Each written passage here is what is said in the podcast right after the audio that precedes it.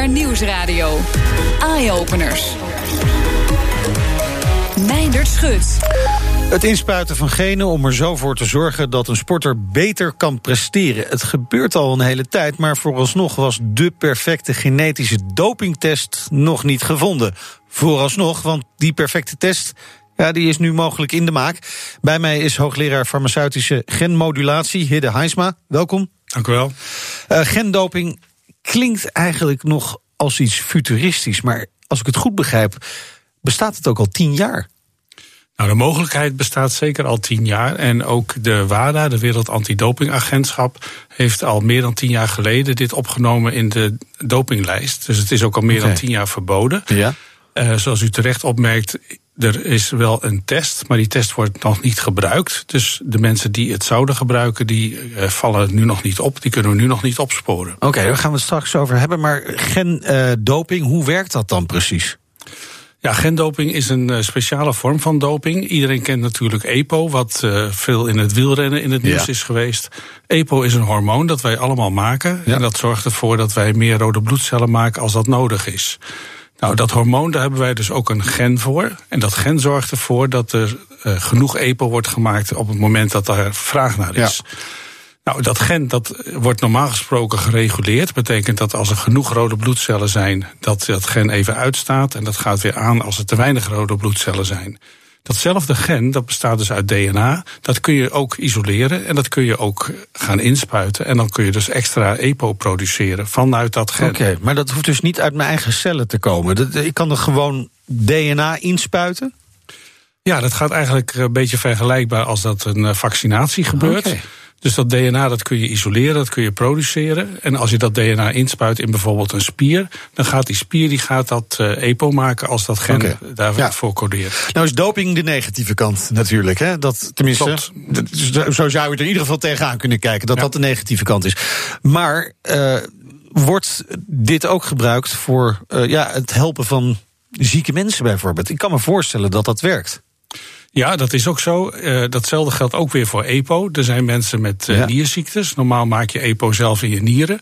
En als je een nierziekte hebt, dan kan het zo zijn dat je niet genoeg EPO maakt. En daarvoor zijn dus ook die EPO-hormonen zeg maar, op de markt. Ja. Die zorgen ervoor dat je meer rode bloedcellen maakt. En tegenwoordig wordt dat ook wel toegepast voor mensen die een grote operatie moeten ondergaan. Dat ze eerst wat extra bloed kunnen aanmaken. En op dezelfde manier als dat EPO-geneesmiddel eigenlijk gemaakt wordt en misbruikt wordt voor doping, zijn er ook mensen die proberen EPO te ontwikkelen. Ook weer voor die patiënten met nierziekte. Ja. Maar dan als genetische therapie, gentherapie. En op die manier. Ja, dan heet het opeens mensen... therapie dus, in ja. plaats van doping. ja, maar dat is natuurlijk eigenlijk met de, de meeste vormen van doping zo dat er ja. geneesmiddelen zijn voor een ander doel die dan misbruikt worden in de doping. Ja, en uh, het, het voordeel, als we nog even van de negatieve kant uitgaan, wat is dan het grote voordeel uh, van gendoping ten opzichte van andere soort doping? Is, is dat meer lichaams-eigen, moeilijker herkenbaar daardoor? Ja, dat is zeker zo. Um, als iemand genetische doping zou willen toepassen, en ook weer bijvoorbeeld voor EPO, dan kan die daar het, het menselijke gen voor gebruiken. Ja. En dat gen, dat hebben wij allemaal. Dat is bij ons allemaal niet heel erg verschillend. Dus dat betekent dat uh, vanuit dat gen eigenlijk het heel moeilijk op te sporen is. En je maakt dan ook menselijk EPO, humaan EPO. Ja. En dat is heel helemaal moeilijk te onderscheiden van jouw eigen EPO. Want het is ook een, een menselijk product. Ja, dus we willen dat graag kunnen opsporen, hè, want we willen de sport natuurlijk clean houden. Uh, nou zijn er al testen die redelijk goed die doping kunnen vinden. Hoe werken die? Ja, de huidige testen die uh, genetische doping kunnen opsporen, die maken eigenlijk gebruik van het feit dat als je een gen wil gebruiken voor therapie, dan zijn de meeste genen, zoals er bij ons in de chromosomen voorkomen, ja. veel te groot. Okay. En we moeten ze eigenlijk kleiner maken om te laten passen in een uh, geneesmiddel wat we gebruiken voor gentherapie. We hebben in ons DNA hebben we zogenaamd junk DNA. Dat zit ook tussen onze genen in. Dat is eigenlijk DNA wat niet nodig is, maar wat er wel is. En dat junk DNA, dat kun je eruit halen. En dan wordt dat gen een factor 100 of 10 wordt het kleiner. Ah. En de huidige dopingtesten die zijn er eigenlijk op gebaseerd dat je dus een klein gen kunt onderscheiden van een groot gen. En op basis daarvan kunt vaststellen dat ja. iemand dus doping heeft gebruikt. Maar die werken niet goed genoeg, die test. Nou, die testen die werken wel goed. Oké. Maar uh, het probleem is dat als je één keer weet hoe zo'n test werkt. en je weet dat er een stukje junk DNA uitgehaald is waar zij naar kijken. Ja. dan kun je dat stukje junk DNA er ook weer tussen zetten. Oh, ja. En op die manier kun je eigenlijk die test een beetje omzeilen. Ja, je kunt hem dus manipuleren. Uh, hoe, hoe werkt dan de nieuwe test? Daar gaan we het straks over hebben natuurlijk. Maar daar zit hem de crux in natuurlijk. Ja, daar zit hem de crux in dat wij denken dat we een test hebben ontwikkeld die eigenlijk niet te omzeilen is, omdat Oh, wij niet naar die stukjes junk DNA kijken, maar wij kijken naar het volledige DNA. We gaan straks dieper op die, op die nieuwe test in. Uh, het is natuurlijk een hele interessante materie, die, die gendoping of gentherapie. Het ligt er maar aan van welke kant je het bekijkt. Uh, maar bij ge genetische doping is er dus eigenlijk sprake van een soort aanpassing op latere leeftijd. Dat klopt, ja, zeker. Ja, is, is dat ook gevaarlijk ergens? Um, nou, ik denk dat aanpassing van, van, het, van de genen, een extra gen toevoegen, wat in de meeste gevallen uh, zal plaatsvinden, juist op latere leeftijd minder risico heeft dan op hele vroege leeftijd. Oh. Um, omdat op latere leeftijd dan is iedereen volgroeid ja. En het lichaam is in balans. Dan kun je een extra gen toevoegen. Dat zal dan meestal tijdelijk, uh, in dit geval bijvoorbeeld EPO gaan maken. Dat dooft op een gegeven moment uit en dat heeft dan relatief weinig schadelijke gevolgen. Ik denk als je het in een heel vroeg stadium doet, misschien zelfs in een embryonaal stadium, ja, dat dan de, de risico's nog vele malen groter ja. zijn. Maar goed, in het verleden zijn er door diverse landen over de hele wereld enorme risico's genomen met doping. Kunnen we verwachten dat dit dan ook gaat gebeuren? Dat er landen zijn die gewoon topsporters gaan creëren? Onlangs is het natuurlijk nog in het nieuws geweest hè, dat een, een, een uh, iemand in uh, hoogleraar in China ja. uh, embryo's, kinderen, baby's genetisch gemodificeerd heeft. Ja, het klinkt heel gek eigenlijk. Ja, en uh, dat heeft nogal wat stof doen opwaaien. Ja. Uh, niet alleen zeg maar, in, in de maatschappij, maar ook met name bij onderzoekers die hier zelf ook mee bezig zijn. Omdat wij vinden dat de risico's nog eigenlijk uh, veel te groot zijn ja. om dit al in een embryonaal stadium te doen. Maar in theorie is het natuurlijk mogelijk, net als deze Chinese hoogleraar heeft gedaan, om ook sportgenen te manipuleren. Maar mijn idee is dat je eigenlijk veel beter twee topsporters kunt nemen. en, die kruisen. En die, uh, bijvoorbeeld uh, Sven Kramer met. Ja. Uh, Naomi van nou. Ja, dat, nou ja, en dat. ik denk dat, dat dat kind wat daar uitkomt veel meer uh, kans heeft om een goede sporter te worden dan dat we nou met één of twee genen uh, op een okay. embryonaal want, niveau. Want hoeveel kunnen. genen zijn er, tot slot uh, voor dit stukje, hoeveel genen zijn er die bepalen of iemand een topsporter wordt? Op dit moment zijn er zo'n 500 genen. Oh ja. Waarvan we weten dat ze bij topsporters een andere variant hebben dan bij de gemiddelde burger. Oké, okay. ja, dat is flink sleutelen dan als je die Zeker. allemaal moet passen. Ja. Goed, straks horen we waarom de test uh, die uh, nu is ontwikkeld waarschijnlijk wel in staat is om alle gendopinggevallen eruit te pikken. Daar gaan we straks even over verder praten. BNR Nieuwsradio. BNR Eye-Openers. Meindert Schut. Maar eerst gaan we naar een app van Nederlandse bodem, letterlijk, die steeds meer wordt opgepikt in het buitenland. De app meet de hoeveelheid nitraat die aanwezig is in de bodem of in het water.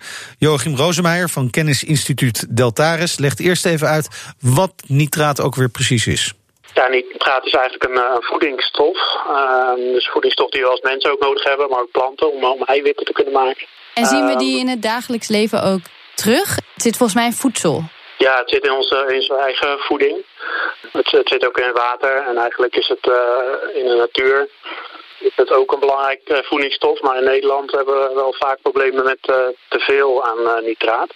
En wat is het probleem dan precies? En, te veel aan nitraat, is dat schadelijk? Ja, het kan voor, voor mensen gezondheidsproblemen opleveren. Dus als we te veel nitraat in drinkwater zit, dan, nou, dan kunnen we... Um, Vooral voor zwangere vrouwen is dat eigenlijk gevaarlijk. Die kunnen ja, blauwe baby's krijgen, zoals dat uh, noemt. Dus baby's met uh, circulatieproblemen. Oh jee. Uh, en er is recent ook in Deens onderzoek aangetoond dat, dat al bij nou, concentraties van 5 milligram per liter... dat je al verhoogd risico hebt op, op darmkanker. Um, dus in, in, drinkwater is het, um, is het gevaarlijk. En voor de natuur kan het ook gevaarlijk zijn. Dus dat te veel voedingsstoffen in het water zitten... dan gaan bepaalde soorten zoals algen, die gaan helemaal uh, woekeren. Dus dan krijg je ja, groen oppervlaktewater of hele dikke lage kroos. Oh ja. Um, dus ja, dat is vaak ook de oorzaak dat, uh, dat zwemwater wordt afgesloten in de zomer. Wordt dat goed gemonitord? Goed genoeg? In Nederland meten de, de waterschappen in principe één keer, één keer per maand op, um, op een aantal plekken, zo'n zo'n 100 plekken per waterschap. Genoeg om een beetje in de gaten te houden waar er wel geen problemen zijn. maar het schiet een beetje tekort. En als er dan ergens een probleem is, ja, waar zit precies de oorzaak? Ja, en nou hebben jullie een, een app ontwikkeld die daarbij kan helpen eigenlijk. Ja, klopt. Ja, we hebben een uh, nitraat-app ontwikkeld. En nou, daarmee kan je uh, ja, heel snel en makkelijk nitraat meten. Uh, kost maar 5 cent per meting. Dus dan kan je eigenlijk gewoon een, gebied in en, uh, en, gaan zoeken van waar komt precies het nitraat vandaan. Soms dan, ja, dan lekt er iets nog uit een, uit een kas. Of het zijn gewoon één of twee boerenbedrijven die, ja, waar kennelijk iets gebeurt waardoor er te veel nitraat in het oppervlaktewater komt. Hoe werkt de app precies? Ja, de app werkt eigenlijk op basis van, van teststripjes. Um, die zijn eigenlijk, nou, wordt vaak gebruikt ook voor, voor aquariums en zwembaden en zo. die bestaan eigenlijk al heel lang. Um, wat wel lastig is met die stripjes is dat ze um, uh, toch best wel moeilijk uit te lezen zijn. Dus het is eigenlijk een beetje ja, subjectief wat, wat, wat, voor concentratie je er precies van maakt. Is een kleurschaal die je moet aflezen. Ons appje kan eigenlijk die stripjes um, ja, met de camera van de telefoon uitlezen. En dan nou, leg je ook meteen de coördinaten vast. En je kan nog een, uh, een opmerking toevoegen, tijdstip wordt vastgelegd en dat geheel sturen we naar uh, de database. En daarmee kan je eigenlijk uh, de meting ook gelijk beschikbaar maken voor, voor anderen. En je hebt het gelijk opgeslagen, je kunt het meteen op een kaart zien. Je hoorde collega Carlijn Meinders in gesprek met onderzoeker Joachim Rosemeijer van Deltaris. De nitraat-app wordt onder andere in Denemarken ingezet vanuit het ministerie van Landbouw. En ook in Californië zijn ze enthousiast. In Nederland kunnen alle boeren hem ook al gratis gebruiken. En zometeen horen we hoe die nieuwe gendopingtest precies werkt. En krijgen we een lesje stress van topsporter Mark Tuiter. BNR Nieuwsradio. BNR Eye-Openers. Bij mij vandaag te gast hoogleraar farmaceutische genmodulatie Hidde Heisma. Hij weet alles van genetische doping en heeft een nieuwe test ontwikkeld... die er veel beter in moet slagen om die doping te vinden. We hadden het er net al even kort over. Uh, maar je vertelde ook wat er eigenlijk mankeert aan de huidige testen. En, en die nieuwe test, die zorgt ervoor dat gendoping eigenlijk altijd terug te vinden is. Hoe werkt het? Ja, wij hopen natuurlijk dat het uh, altijd Het moet zich in de praktijk nog het bewijzen. Zeker nog bewijzen.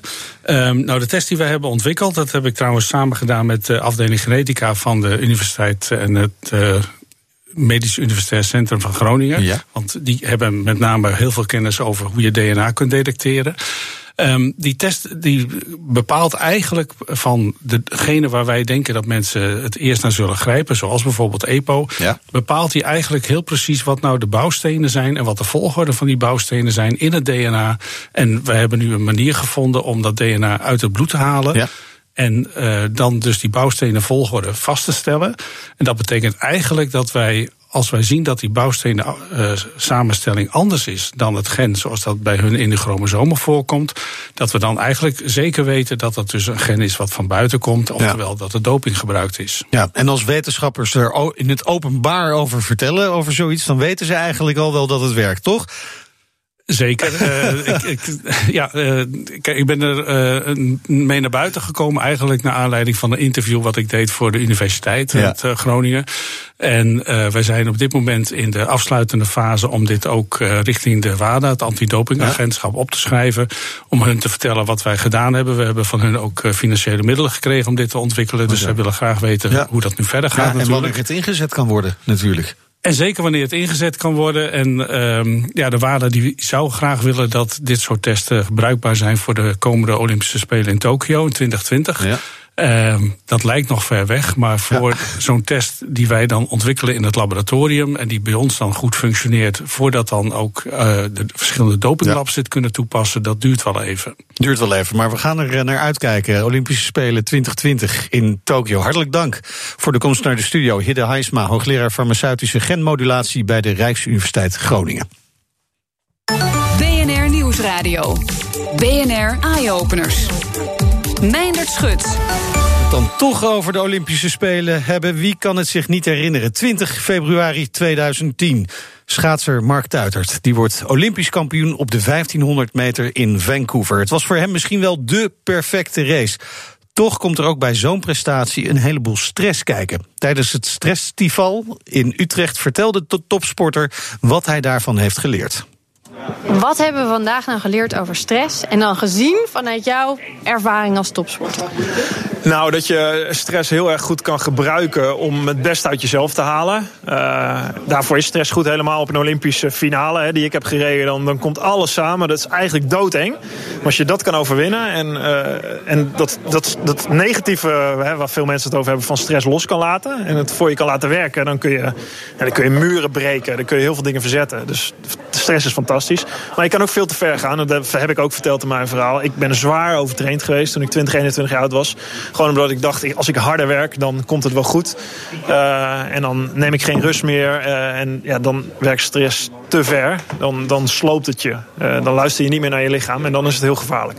Moet je misschien net zo net iets te ver gaan voordat je weet wat wel goed voor je is? Nou, als je, als je jong bent, hè, en dat gaf Erik Scherder mooi aan, dan zijn je brein is nog niet helemaal ontwikkeld. Dus als je 20, 21 bent, dan heb je de neiging om te ver te gaan. Helemaal als je aan topsport doet. Helemaal misschien nog als je man bent. Je, bent, je denkt gewoon, hup, gaan, gaan, gaan. Uh, dat is wel, je, kan er maar één iets mee doen en dat is ervan leren. Dus ik heb die grens gezien. Ik heb het geluk gehad dat ik een coach daarna kreeg, Jack Ori, ook een wetenschapper, die me daarmee heeft geholpen eruit te komen. Ja, en dan, uh, dan kan het voor je werken. En soms, wat ik daarvan heb geleerd, is wel echt dat je moet leren aanvoelen waar je grenzen liggen. En heel vaak denken we helemaal als je nog wat jonger bent van ja, het zal wel, weet je. Ik weet wel wat ik kan, ik ga vol gas. En je lichaam reageert wel, daar kun je donder op zeggen. Dus je, kun je, lichaam, je kan je lichaam en je geest niet heel lang voor de gek houden. Dat kan heel even, maar niet constant. Um, en ja, daar kom je wel achter uh, als je dat denkt wel te kunnen. Leer op tijd je grenzen kennen, is het eigenlijk. Ja, en luister naar, nou, weet je, je kan heel even jezelf bedonderen. En denk van, ah, ik, ik, ga door, ik ga door. Ik doe het nu ook. Ik, ben, ik maak een week van 80, 90 uur nu, twee, drie weken lang. Maar ik weet wel, daarna moet ik gewoon één, twee weken gewoon even weer normaal doen, rustig doen. Dat lijkt mij ook, ja. Ja, precies. En, en ik weet dat als ik dit doe, zoals nu, dan dat ik goed moet slapen, goed moet eten, geen alcohol moet drinken. En daar let ik dan ook op. Dan ga ik even weer in die modus van topsporter. Anders hou je dat niet vol. Dat gaat gewoon niet. Je denkt wel dat je het kan soms, hè? maar dan verlies je jezelf en dan, dan ga je waanbeelden creëren. Wat ik ook heb gedaan. denk je dat je de wereld aan kan en dan uh, op een gegeven moment uh, dan ga, je, ga je neer. Lesje geleerd? Dan heb je je lesje geleerd, ja. En dan heb je, het kost soms heel veel tijd en energie om weer dat, daarvan terug te krabbelen. Dus uh, soms, soms is het wel, hè, soms leer je er ook wel van om inderdaad wel op je bek te gaan. Dus het geeft ook niet. Tenminste, als je niet te ver gaat. Uh, als je er maar van leert. Dus Hey, als je maar op tijd ingrijpt. En eigenlijk als je een omgeving om je heen creëert van mensen die jou af en toe bij je nekvel kunnen pakken en uh, weer op je plek kunnen zetten. Ja, dat hoef je niet eens alleen te doen. Daar, daar kun je ook gewoon de mensen om je heen voor nodig hebben, gebruiken. Vaak heb je die mensen om je heen daarvoor nodig. Ja, want zelf zie je het niet meer. En je hebt dan echt mensen nodig die je echt gewoon even er helemaal uit kunnen trekken. En dat is belangrijk voor een werkomgeving, voor een sportomgeving. Maar eigenlijk gewoon in je familie ook. Mensen om je heen die, die jou kunnen bereiken en je even met je voetjes weer op de vloer kunnen zetten. Carolien Hamming, schrijver van het boek Gek op Stress, directeur CSR Centrum. Ja, we zijn hier op het stressfestival. Het is net afgelopen. We hoorden net Mark vertellen wat nou een belangrijke les was die we hier met z'n allen geleerd hebben. Klopte dat een beetje? Ja, Volgens mij uh, heeft hij het heel mooi samengevat. Uh, namelijk dat er uh, niks mis is met stress. En dat je het nodig hebt om topprestaties te kunnen leveren. maar dat je wel je grenzen moet kennen. Dat is ontzettend belangrijk. Dus dat je ook moet herstellen. En dat is belangrijk om gezond te blijven. Vooral dat herstel, hè? hebben we meerdere keren horen terugkomen. Denk aan dat herstel. Denk aan het herstel. Denk aan het herstel. Dat is het allerbelangrijkste. En dan kun je het heel lang volhouden. Ja, ken je grenzen, stel goed en zorg dat je mensen om je heen hebt die af en toe een seintje geven als je te ver gaat. Je hoorde collega Carlijn Meinders in gesprek met Mark Tuitert en Carolien Hamming tijdens het Stressfestival. BNR Nieuwsradio. BNR Eye Openers. Dan is het alweer tijd voor de beste technieuwtjes vanuit de hele wereld. En daarvoor spreken we zoals elke week met tech- en innovatie-expert Elger van der Wel. Elger, en we beginnen deze week in New York. Ja, de politie gaat daar volgend jaar aan de slag met drones. 14 stuks in eerste instantie. En ze worden gebruikt om bijvoorbeeld 3D-scans van verkeersongevallen te maken. Of om mensen in de gaten te houden tijdens eh, evenementen. De drones hebben een eh, warmtecamera aan boord, waardoor het mogelijk is om personen ja, vrij eigenlijk gewoon te volgen op basis van, ja, van je lichaamswarmte. Dit is ook al een beperking, want de politie mag ze niet inzetten voor gewoon patrouilles of ja, verkeerscontroles, dat soort dingen. Alleen echt als het, eh, als het nodig is in bijzondere situaties. Ja, dus als een drone in de buurt is, dan is het foute boel mogelijk. Uh, van New York vliegen we dan naar Londen om daar uh, boodschappen te doen. Ja, eh, de eerste kasseloze supermarkt van eh, Amazon buiten de VS ah. schijnt namelijk in Londen te openen. Bij de winkel hoef je niet langs de kassa om je producten af te rekenen en je hoeft ook niet zelf te scannen of zo met je telefoon. Je pakt gewoon uit het schap wat je nodig hebt en het wordt automatisch geregistreerd door allerlei sensoren. En bij het naar buiten lopen betaal je automatisch uh, via ja, je creditcard die is gekoppeld aan je telefoon, die weer wordt herkend. In de VS zijn nu zeven van die winkels in steden als Seattle, Chicago en San Francisco. De komende twee jaar moet dat groeien naar maar liefst 3000 vestigingen in de VS. En volgens de Britse krant The Telegraph komt er dus ook nog een uh, uitbreiding richting uh, Londen bij. In Nederland zullen we nog wel even moeten wachten, want Amazon is hier nog niet heel erg actief. Dan, Elger, gaan we tot slot nog hebben over kunstmatige intelligentie van Google. Ja, een paar weken geleden hadden we het al over het feit dat uh, Google problemen had met een functie die automatische suggesties deed voor het beantwoorden van uh, mailtjes. Uh, die bleek wel erg vaak te kiezen voor een mannelijke suggestie. Ja, inderdaad. En dat probleem zit in bijvoorbeeld veel meer diensten van Google die gebruik maken van kunstmatige intelligentie. Bijvoorbeeld Google Translate. Op basis van trainingsdata krijgt de technologie eigenlijk gewoon een voorkeur voor wat hij het meeste, ja, het meeste leert. En in die data blijken heel vaak mannen oververtegenwoordigd, waardoor Google Translate Translate bijvoorbeeld gaan uitgaat dat een eh, arts dat die mannelijk is. Maar het kan ook wel andersom zijn, want een verpleger, ja, ik moet eigenlijk zeggen verpleegster dan, die is namelijk vaker vrouwelijk. Om dat soort dingen te voorkomen wordt Google Translate of genderneutraal als het kan, of als het nodig is, krijg je meerdere vertaalsuggesties. zowel de mannelijke als de vrouwelijke. Dankjewel, Elger. En dat was hem ook weer voor vandaag. Terugluisteren kan via de site, de app, iTunes of Spotify. Je hoort ons in de toekomst. Tot volgende week. Mogen we